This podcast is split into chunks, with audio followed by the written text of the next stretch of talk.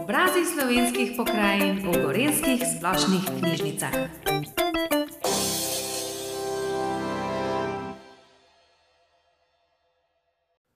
Lepo pozdravljeni na prvem otvoritvenem večeru uh, živih dogodkov uh, obrazi slovenskih pokrajin oziroma leksikona obrazi slovenskih pokrajin. Uh, preden predstavim našega prvega gosta, lepo zdrav vsem uh, zbranim tukaj v dvorani in pa vsem, ki nas spremljate od doma. Upam, da boste uživali in da boste spremljali ne samo nocoj, ampak vse nadaljne dni, vse nadaljne, vsak mesec v bistvu se bomo videli. Darko Đurič je naš nocojšnji gost. Uh, jaz ga poznam že nekaj časa, zato ga bom kar tikal že od samega začetka. Um, preden te spoznamo malo bolj osebno, bi jaz uh, malce prebral o tebi. In kadar, bere, kadar govorimo o dosežkih, jih raje preberem, zato da kakšnega ne spustim. Upam, da razumeš. V redu. Okay, super. Se pravi, uh, Darko, kot veste, je uh, pla, paraplavalec. Uh, Ogromno nekih dosežkov imam. Že leta 2009 je nastopil na Evropskem prvenstvu za invalide v dolgih bazenih in na svetovnem prvenstvu v kratkih bazenih v Rio de Janeiro dosegel uh, peto mesto na 50 metrov prosto, peto mesto na 100 metrov prosto in peto mesto na 200 metrov prosto. Zaenkrat imamo vse pravilno. Vse. Okay. Na to ga je leta 2010 pod svoje okrilje vzel velik borec za boljši položaj športa invalidov, dr. Boro Štrum, Štrumbel iz, iz Fakultete za šport. Na Evropskem prvenstvu v Berlinu je že osvojil srebrno kolajno na 50 metrov delfin za uh, paraolimpijske igre, oziroma paraolimpijske, kako se pravilno reče? Uradno je sedaj paralimpijske. Paralimpijske, pa to sem tudi jaz zasledil, pa ja. bomo kasneje razložila. Uh, torej, za paraolimpijske igre v Londonu leta 2012 je imel norme za uvrstitev izpolnjene že leto pred samimi igrami. V finale se je uvrstil v vseh štirih disciplinah, dvakrat v enem dnevu je tudi popravil svetovni rekord in sicer na 50 metrov delfin, tako v polfinalu kot v finalu, a ker je plaval v kategoriji više S5 je počasi zasedel peto mesto. Na koncu je osvojil, osvojil četrto mesto na 200 metrov prosto, peto mesto na 100 metrov prosto, peto mesto na 50 metrov delfin in šesto mesto na 50 metrov prosto. Svoj največji uspeh do sedaj pa je dosegel na svetovnem prvenstvu v Montrealu v Kanadi avgusta 2013. Osvojil je dva naslova svetovnega prvaka in eno drugo mesto. Zmagajo v svoji paradni disciplini 50 metrov delfin in na 100 metrov prosto. Hkrati je dodal svoji beri medalji tudi srebrno medaljo v disciplini 200 metrov prosto. Njegov načrt uh, je bila tudi uvrstitev na uh, olimpijske igre v Tokiu, ampak malce več o tem uh, kasneje. Prav? Okay. Uh, torej, Darko, jaz te poznam že iz otroštva uh, ker so bili najni starši, družinski prijatelji. In uh, moja prva zgodba je, kako sem te spoznal. Uh, ne vem točno, kje smo bili, ali nekje smo prespali kot otroci, in pogradi so bili. Uh, in, uh, Z nekom sem tam stal, jaz sem bil čisto nov, Darko je bil pa že s to družbo dalj časa in so se poznali in uh, prešiba mi mene, ne, Darko, uh, takrat pač po eni roki ne, in zelo, zelo hitro je šel ne, in uh, me zelo šokiral. In pa uh, naslednji trenutek, um, z, z nekom si se začel rausati, z enim fantom. In sta se kar orang sta se rausala, kljub temu, da sta bila dva otroka. Ne? In uh, naenkrat Darko zapije, a v nogo si mi zlomil in se začne smajati. In to je bil moj prvi stik z njim, uh, v bistvu. No? Uh, drugi, uh, drugič smo se videli tako družinsko, kasneje, mislim, da si mi enkrat celo rekel, če hočem se s tvojim vozičkom peljati. Ja, uh, nisem takrat upal reči, da bi se, čeprav bi se. Um, naslednjič, sem te jaz povabil eh, kot gosta v eno našo predstavo v Ljubljani eh, v okviru Impro lige.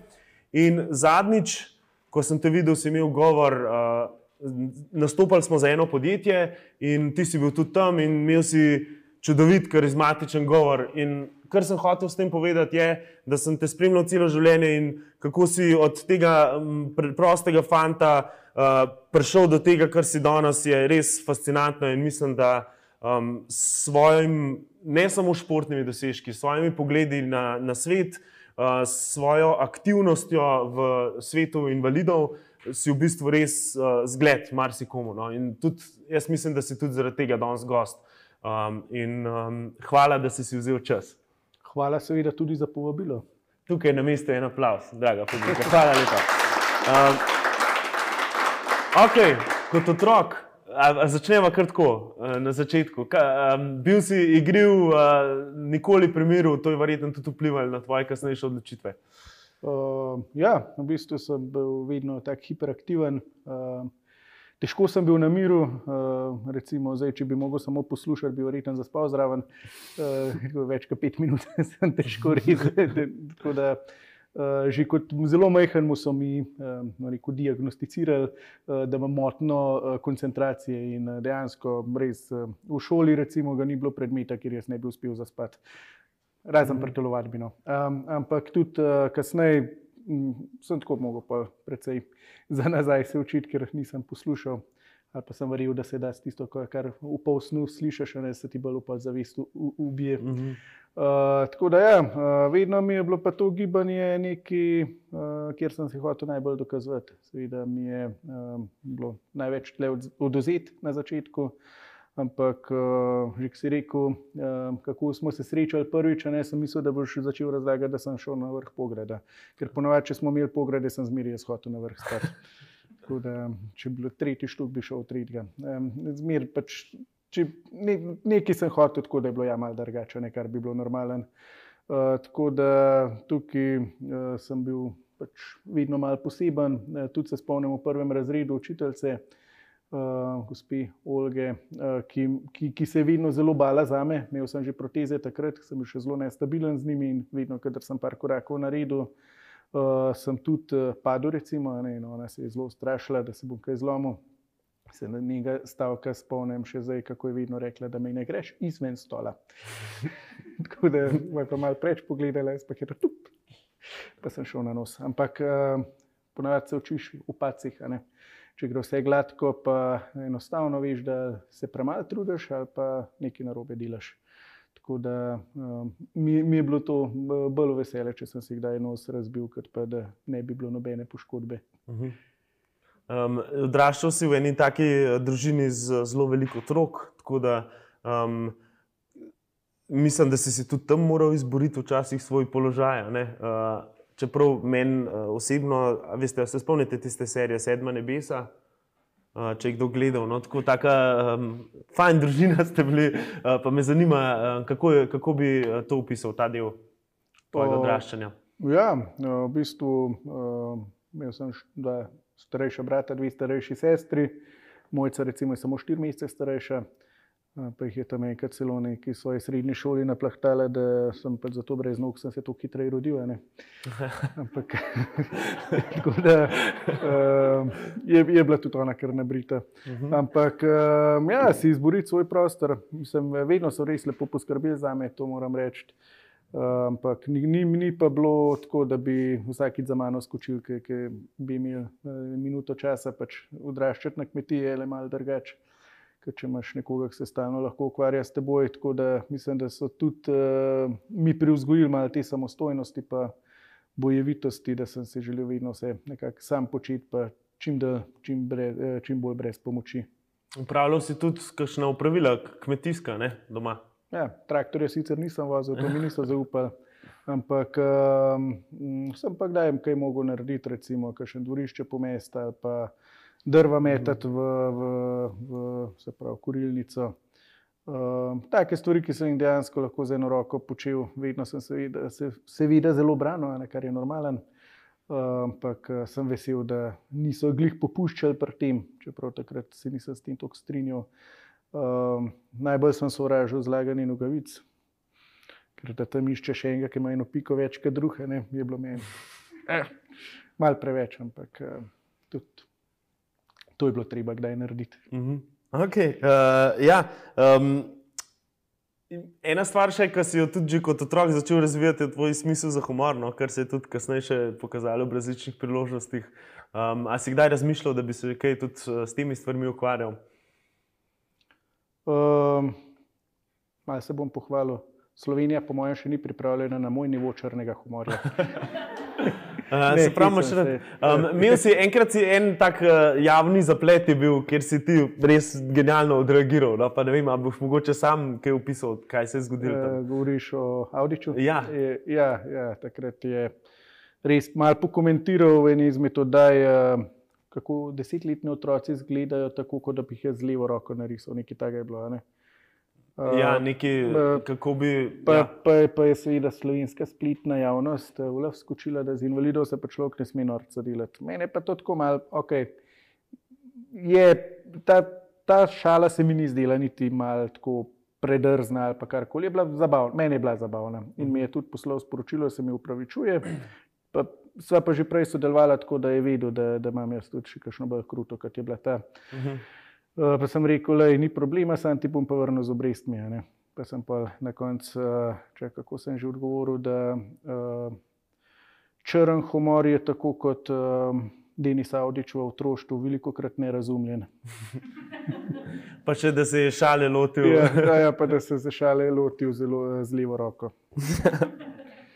Da, ja. uh. Super. Ja, mislim, uh, na splošno, vedno si imel dober smisel za humor. No, ker, uh, a ti to pomaga, pa uh, športu? Mm, športu povsod, ker včasih um, vemo, da lahko pač gledamo stvari vem, z dveh različnih ali pa treh različnih zornih kotov, ali optimistično, pesimistično, realistično. Um, mene je bilo pač. Včasih je bilo težko, ker sem se res s kakšnimi izzivi soočal, mi je bilo fajn, da sem obrnil na, na pozitivno, da sem kakšno šalo iz tega naredil. In uh, po eni strani, da je to rata tudi obrambni mehanizem, uh, pa tudi rešuje. Tako da sem vesel, da imam to osebno. Uh -huh. um, pri športu vedno govorimo o uspehih, neuspehih. Uh, ti se zase govoriš, da si imel težave pri neuspehih z jezo, ne? to si večkrat povedal. Um, Kaj pa pri uspehih? To je eno vprašanje. Uh, jaz vem, da so zate en velik sprejem, recimo, pripravili, kadar si prišel domov z nekim dosežkom. Kako si se takrat počutil? Uh, definitivno nisem bil jezen. Mhm.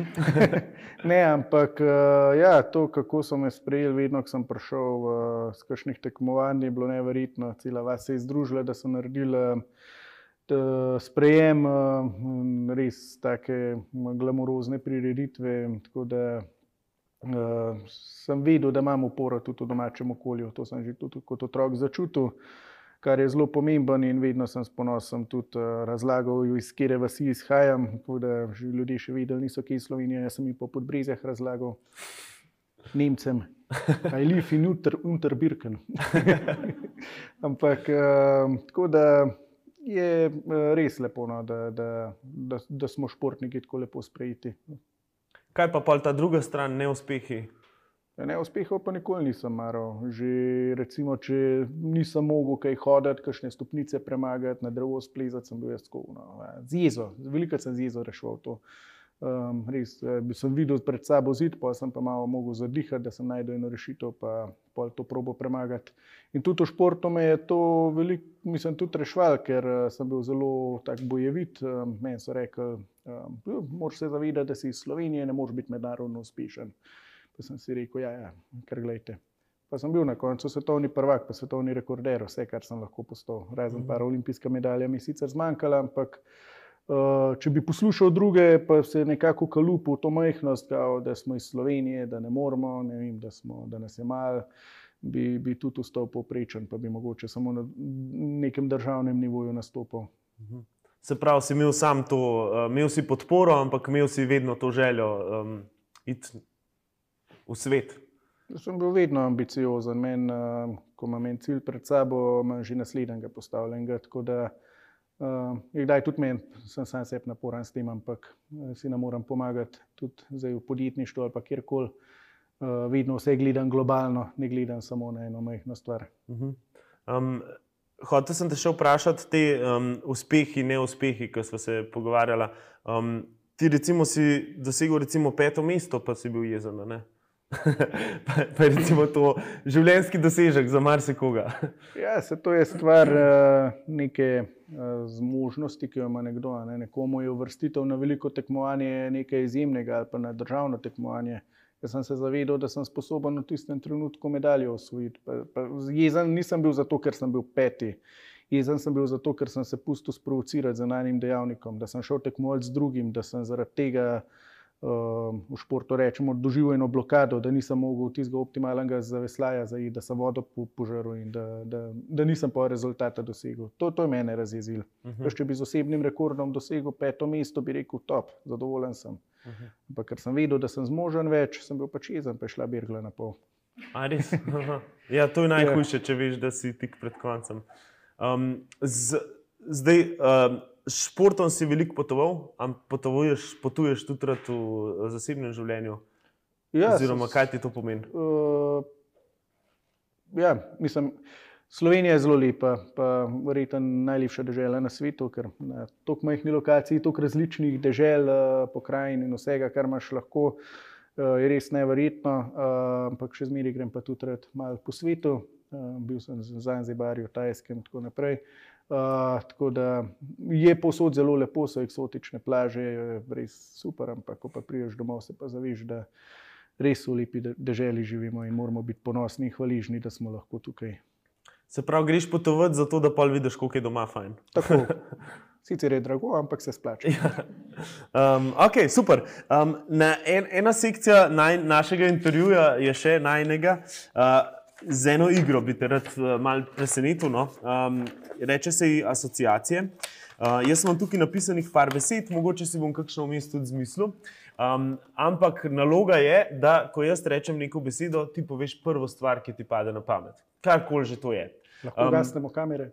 Vse to ne. Uh, tukaj zdaj bomo malo posegali v Darko podzavest, upam, da bo mogoče kakšna stvar prišla ven, ki je tudi tako, no? ampak ne dvomim, da, da bo uh, zabavno. Okay. Um, a si pripravljen? Okay. Um, kaj, na kaj pomisliš, ko rečem avto? Nesreče. Na kaj pomisliš, ko rečem prek Murje? Vino. Gorenci. Uh, radodarni. Medalja. Zmaga. Knjiga. Uh, znanje. Najljubša jed. Uh, Pumfri. Glasba. Metal. Uh, potovanja. Uh, Zanzibar. Ljubosumje. Bivše. Uh, steklo. Uh, uf, meja. Um, zapornica. Še ena meja. Usoda. Uh, ne obstaja. Odbojka. Mm, lepota. Hitrost. Avto. Najljubša pijača. Vino. Blond. Bivše. Samozavest. Uh, uh, kako že, brezmejna. Police. Zavarovalne. Šolanje. Nadaljavo. Um, Skype. Uh, bivša. Žalost. Uh, uf, sreča. Denar. Mm, kar nekaj.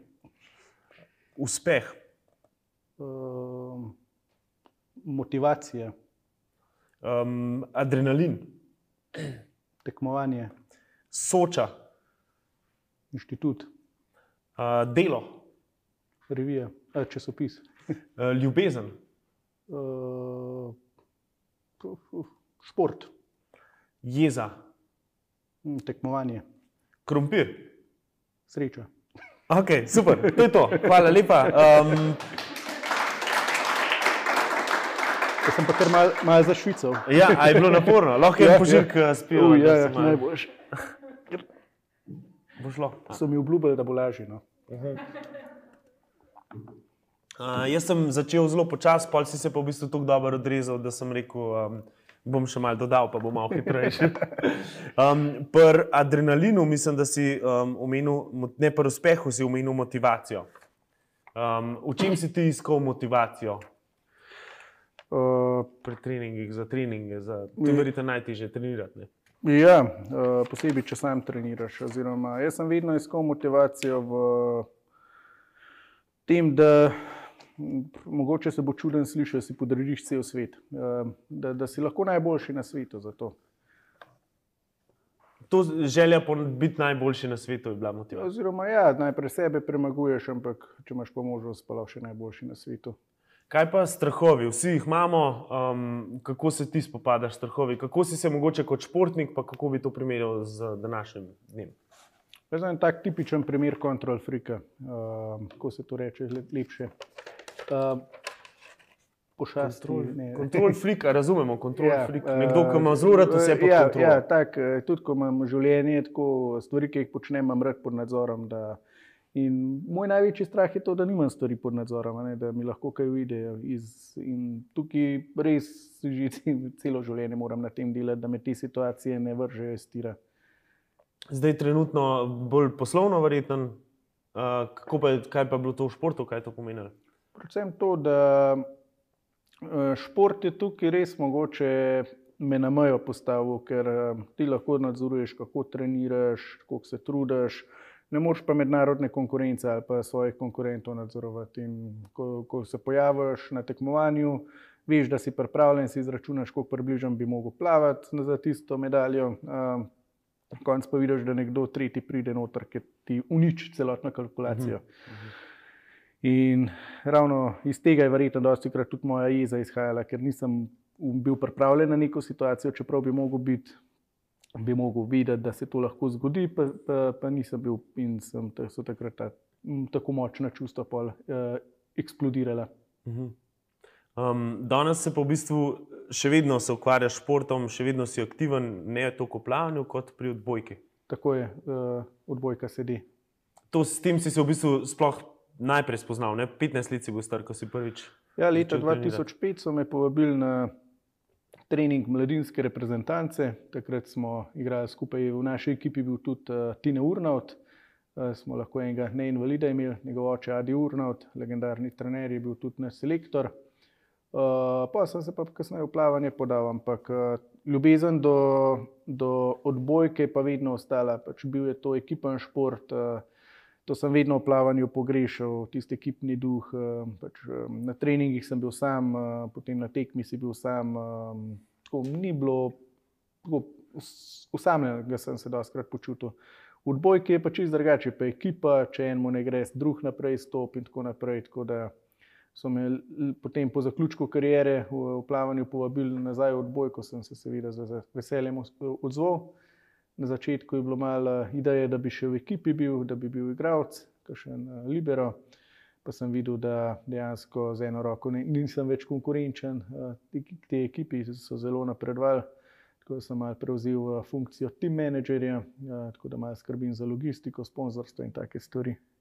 Vse, s čimer že imaš izkušnje. Ja. ja, mi je zelo pomembno to, da lahko svojo izkušnjo, ki sem imel kot športnik, Eh, prenesem tudi te novo, nove karijere in uh, podvige. Uh, tako da res uh, mislim, da sem lahko bolj kredibilen, tudi če recimo nekoga prosim za sponzorstvo, kot nek, nek čist X tržnik. Seveda, če pride nek znan obraz, uh, je to čist nekaj drugega. Ne? Um, zdaj, kaj trenutno počneš, kaj, kaj, kam greste, nekam greste zdaj? V, ja, v četrtek letimo v Turčijo, v Antalijo, gremo na Evropsko prvenstvo. Prvič po 20 letih bo nastopila tudi moška ekipa, tako da imamo moško in žensko reprezentanco. Tako da, kar pridno spremljajte medije, boste mogoče tudi kakšnem lepem rezultatu lahko slišali ali pa prebrali. Zdaj, ki si omenil medije. um, kako, je, kako se ti zdi uh, slovensko medijsko pokrivanje um, paraolimpijskih iger? Pa, moramo še pa razložiti, kaj, Paralimpijskih. Paralimpijskih, tudi jaz se zapletam pri tem izrazu, ampak uh, mešani občutki. No. Uh, vse bi si želeli, da bi bilo tega več pokrivanja, da bi bilo bolj intenzivno, poglobljeno. Uh, se mi pa zdi, da napram tudi nekaterim drugim državam, smo, uh, da je v Sloveniji to zelo dobro pokrit, uh, da so tudi uredniki, novinari naklonjeni zgodbam. Ehm, nažalost, pa večkrat prevladajo kakšne bolj negativne, ki se malo bolj berejo, bolj intenzivna čustva ljudi sproščajo, tako da se potem to bolj na naslovnicah pojavlja. Ampak mislim pa, da, da gre uh, tudi takrat, sem začenjal, recimo uh, za primerjavo, leta 2011, ko sem osvojil prvo medaljo na Evropskem prvenstvu, je bilo samo na enem izmed spletnih medijev dve vrstici o tem napisani, s tem, da je bilo še novice o drugem plavalcu zraven. Uh, potem leto pozneje na paraolimpijskih igrah v Londonu uh, so začeli res uh, nacionalka pokrivati in so res se potrudili, naredili en tak medijski boom iz parašporta. Od takrat naprej, tudi če sem na, na jaz plaval, pa nekdo drug nastopil na manjših tekmovanjih izven evropskih svetovnih prvenstv, paraolimpijskih iger, uh, se je pa začel tudi po, po, objavljati novice o teh tekmovanjih in rezultatih. Tako da napredek, siguran je. Super. Se mi zdi, da je vedno pri športu tako, da ko imaš prvič nekega res favorita, ne, uh, se mogoče odpre in on je tisti, ki v bistvu pač utira pot. Ne, in v tem primeru si bil to ti na nek način. Ali bi sam rad govoril. Ne, um, ampak um, ja, mislim, da takrat se je vse skupaj kar lepo poklopil. Uh, smo imeli tudi druge uspešne športnike zraven, ampak uh, sem bil vesel, če sem lahko naredil malo reklame para športu. Um, para šport in klasičen šport. Um, kaj, mislim, zanima me, kje je ta meja med. Uh, bom drugače postavil vprašanje. um,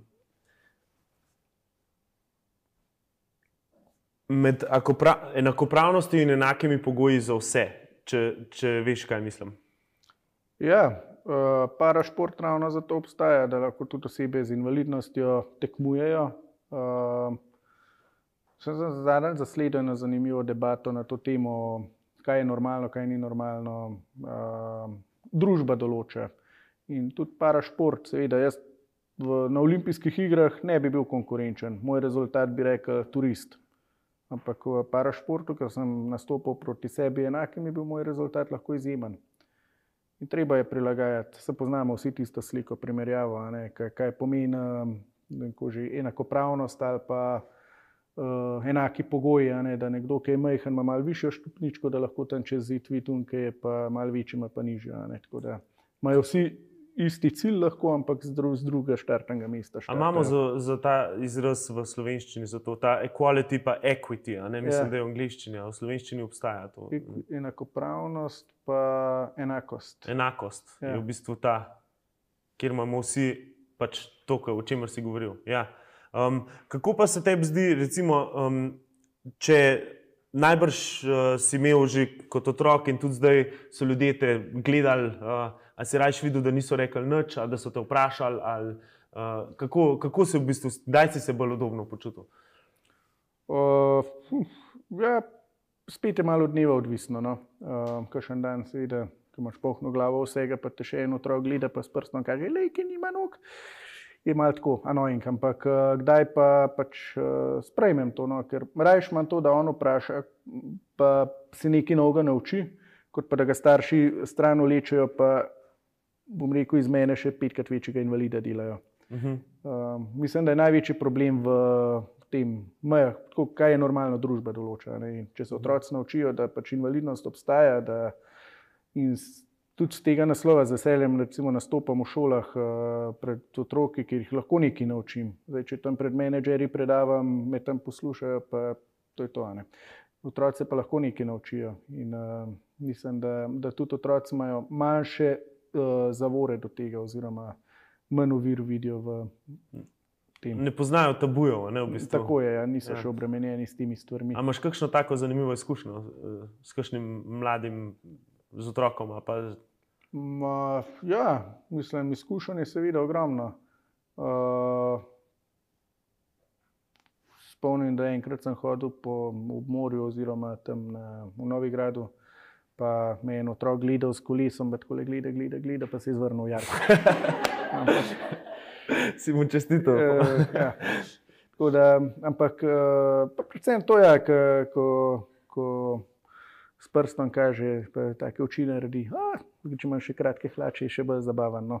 Uh, in potem se, kakšne mamice ali pa očki, jim je zelo neprijetno. Ne, ne, da te ne uslišijo, jaz gospod je že prepozen. Uh, srečo imajo, da imaš ti zelo tak, da si prijazen človek, da imaš dober smisel za humor in da vedno kaj zabavnega. Se mi je tudi zgodilo, da sem zelo neprijazno odreagiral, uh, ko sem enkrat iz denarnice pač nekaj veliko na kartico ali karkoli v trgovini. Pa je gospa rekla, zelo prijazno sicer, uh, a vam kaj pomagam. Jaz sem bil pač znerviran že od celega dneva, česar koli. Pa sem tako rekel, ne, v redu je je kar malo nazaj stopila v, v strahu, kaj bom naredil. Uh -huh, uh -huh. Ampak uh, eh, nasplošno, če ljudje ponudijo pomoč, uh, ko vidijo, da je mogoče kaj teže naredim, je to seveda lepo, pa se vidi, da, da vidijo tudi uh, so človeka. Uh, je pa zelo neprijetno, če recimo rečem, da lahko samo rata odprem, pa mi še trikrat rečejo, da mi bojo oni. Uh -huh. Potem pa nekako pod vprašanje postavijo moja zdrava pamet, kaj jaz zmorem, pa kaj ne. Uh -huh, uh -huh. Ja, ja sej ponovadi je pol to že kar mal. Tako, če se z enim tujcem pogovarjaš, pa ne znaš dobro um, jezika, recimo, ja. in pa ti začnejo zelo počasi govoriti, ne, pa se tako, vse v redu, sam besede ne najdem. Ne. Um, okay, um, se pravi, um, zdaj smo. Umenil si, recimo, še, da si zdaj zelo aktiven v, v tehnologiji. Uh, tako kot je šel tudi eh, tvoj športni razvoj, je tudi šel, recimo, jaz, ki te že nekaj časa poznam, napredek, kar se tiče tvojih protez. Recimo, tehnologija gre zelo naprej in ti si v bistvu praktično odraščal, eh, zraven se je pa razvijala. Um, nimajo vsi dostopa do tega, ampak eh, ti si zdaj v tem svetu trenutno kar aktiven. Uh, ja, pač tudi v podjetju, startupu, v katerem sem, se ukvarjamo z digitalizacijo, uh, fizioterapevtske vadbe. Eh, prepoznali smo, da, da so to stvari, kjer je še veliko prostora za napredek. Uh, jaz sem že celo življenje, bom rekel, kar odvisen od fizioterapije, oziroma mi je veliko pomagala. Uh, poslovni partner, s katerim so ustanovila podjetje, je tudi fizioterapeut, tako da lahko moje izkušnje kot uporabnika, njegove izkušnje kot terapeuta nekako združva poiščeva neke optimalne rešitve, s katerimi bi lahko tako pomagali na eni strani fizioterapeutom, ker vemo, da so zelo preobremenjeni, in na drugi strani pacijentom. Kako pa zdaj, za prej si mi omenil, da si direktor? Da nam povej malo več o tem, kakšna je ta izkušnja. To je tako, kot je tam v javni upravi, se upravičujem, če kdo, ampak eh, če je direktor, kaj pa delaš? Pa, uh, ja. Ne, ampak je v tej fazi, uh, pač oba so ustanovitelja, tudi uradno direktorja podjetja, tako da odločamo enakopravno vsem. Uh, in je pomembno, seveda, v katero smer greš. Kakšne odločitve so lahko zelo ključne za prihodnost podjetja, s kom se povežeš, s kom sodeluješ, uh, ki iščeš investicije. Za me je to v bistvu zelo nova vloga, uh, je kar včasih naporen, uh, kakšna noč ne prespana zaradi tega, kakšnih skrbi. Ampak uh, se mi zdi, da, da se lahko res veliko naučim. A ti kaj pomagajo vsi šport, treningi, te zadeve zdaj v tem drugačnem svetu? Uh, v bistvu, kar mi pomaga, je, da se nobenega izziva ne ustrašim. Tudi Grega izhaja, pa, se pravi, so ustanovitelj izhaja iz športa, tako da oba dva veva, kaj pomeni borba za obstanek, kaj pomeni konkurenca. Da če mečke zaspiš, te prehtijo, požrejo, izplunejo. Tako da smo, smo navajeni, no, smo navajeni na vsega tega, kar, kar se tudi v poslovnem svetu dogaja. V bistvu zdaj delaš v tehnološkem svetu, ampak tehnologija je tudi tebi pomagala na nek način. Na kakšen način? Uh, Eno bivšo sem na Facebooku spoznal, ne je malo za hit. Ampak um, ja, proteze, recimo, so seveda tehnologija, avto, s katerim sem vozil, joystick je bil tehnologija.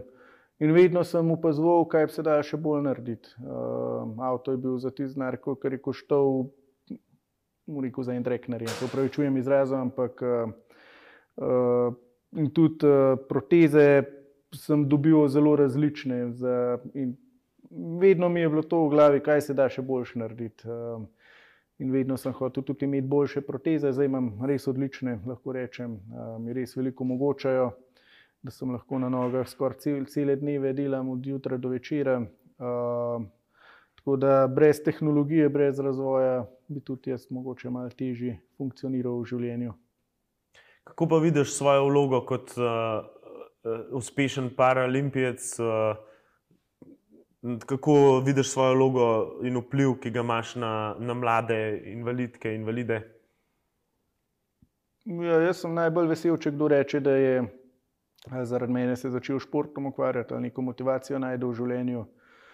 Uh, nikoli se nisem videl sicer kot nek ta, kako se reče, idol ali pa role model, ampak uh, so me kar postavili tam pred ljudi, pa sem mogel kakšno besedo povedati.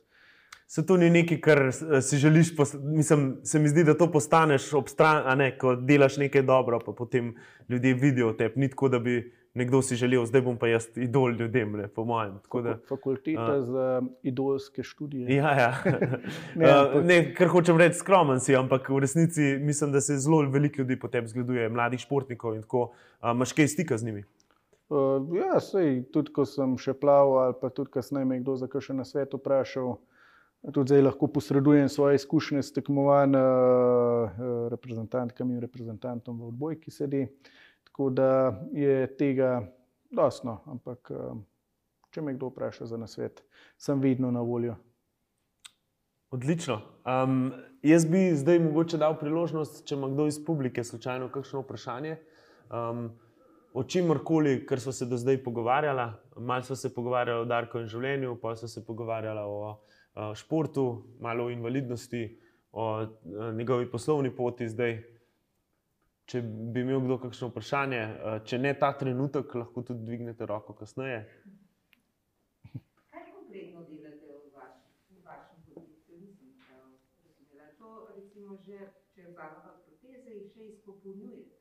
Uh, ne, zdaj proteze so, sem jaz samo uporabnik, ampak kar se pa tiče, kar tega mi delamo, je pa fizioterapija. Se pravi, za nekoga lahko doma dostopa do nekih fizioterapevtskih vaj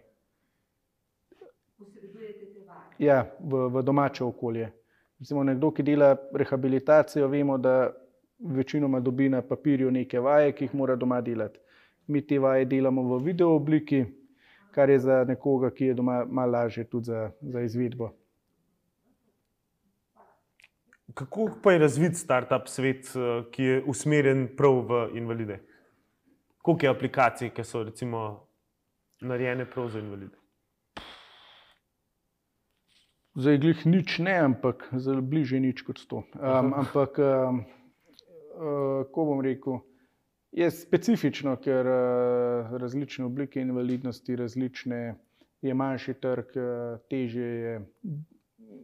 Tako da še ne obstaja, ampak imam pa tudi željo nekega dne kaj v tej smeri narediti, ker v Ameriki vem, da obstaja uh, združenje za amputirance. Eh, kjer ogromno si znanja posredujejo. Recimo nekdo, ki dela kot fitness trener, pa posreduje tiste vaje. Eh, Meni, ki sem brez nog, je težje najti primerne vaje kot nekomu in on recimo prilagaja to. Aha. Se mi zdi, da, da aplikacija v tej smeri bi bila zanimiva rešitev. Predvsem danes, ko imamo možnost uh, umetne inteligence in učenja um, na različne situacije. Super. Še kakšno vprašanje?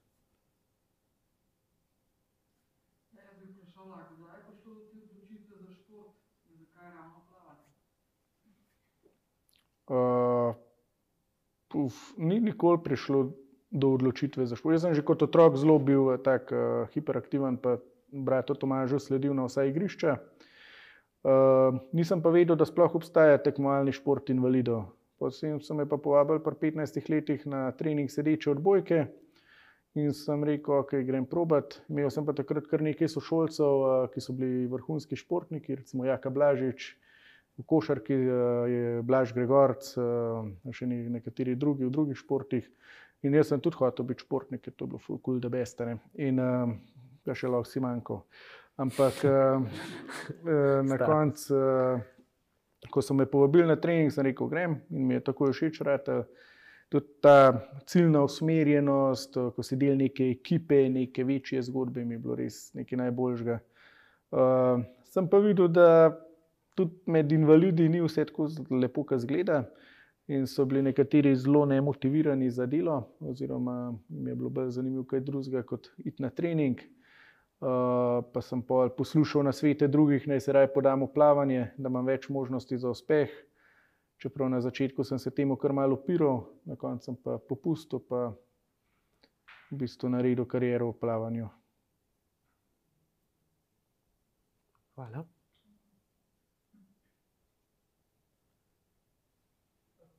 Ja. Kaj je bil glavni razlog, da ste prenehali z uh, tekmovalnim plavanjem?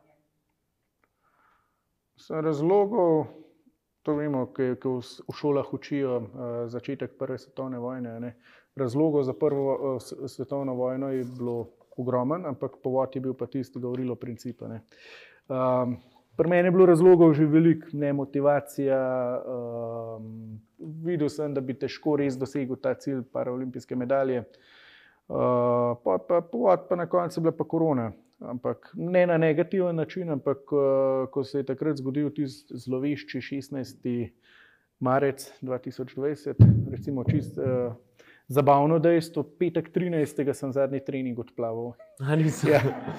Um, In uh, takrat smo mislili, seveda, 14 dni, da bo to trajalo, ne vem kaj. Smo še iskali en bazen, ki bi se lahko izmuznil nadzoru. Um, imeli smo cilj Tokio, vse je bilo postavljeno, pa se pa kar ulikal, te 14 dni, vsake 14 dni bilo ključnih. Um, jaz pa sploh nisem pogrešal bazena. Pač, na koncu me je začela bolj bremeniti misel, da bi se lahko v bazen vrnil, kot pa to, da sem bil brez bazena. Pa sem rekel, da okay, je mogoče pa dost.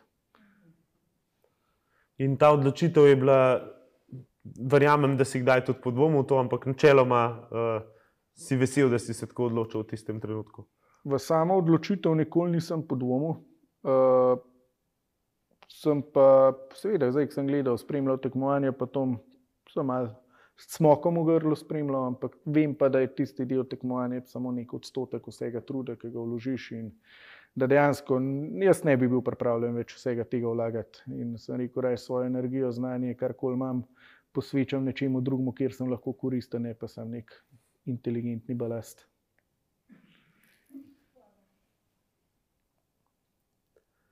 Um, mogoče bo še kdo prišel do kakšnega vprašanja. Mene samo zanima, um, mogoče čist vprašanje, ki ga bomo dali vsakemu gostu. Um, v, te poplavi informacij, v kateri živimo, eh, lažnivih informacij, um, dobrih, ne dobrih, kje ti dobivaš svoje informacije?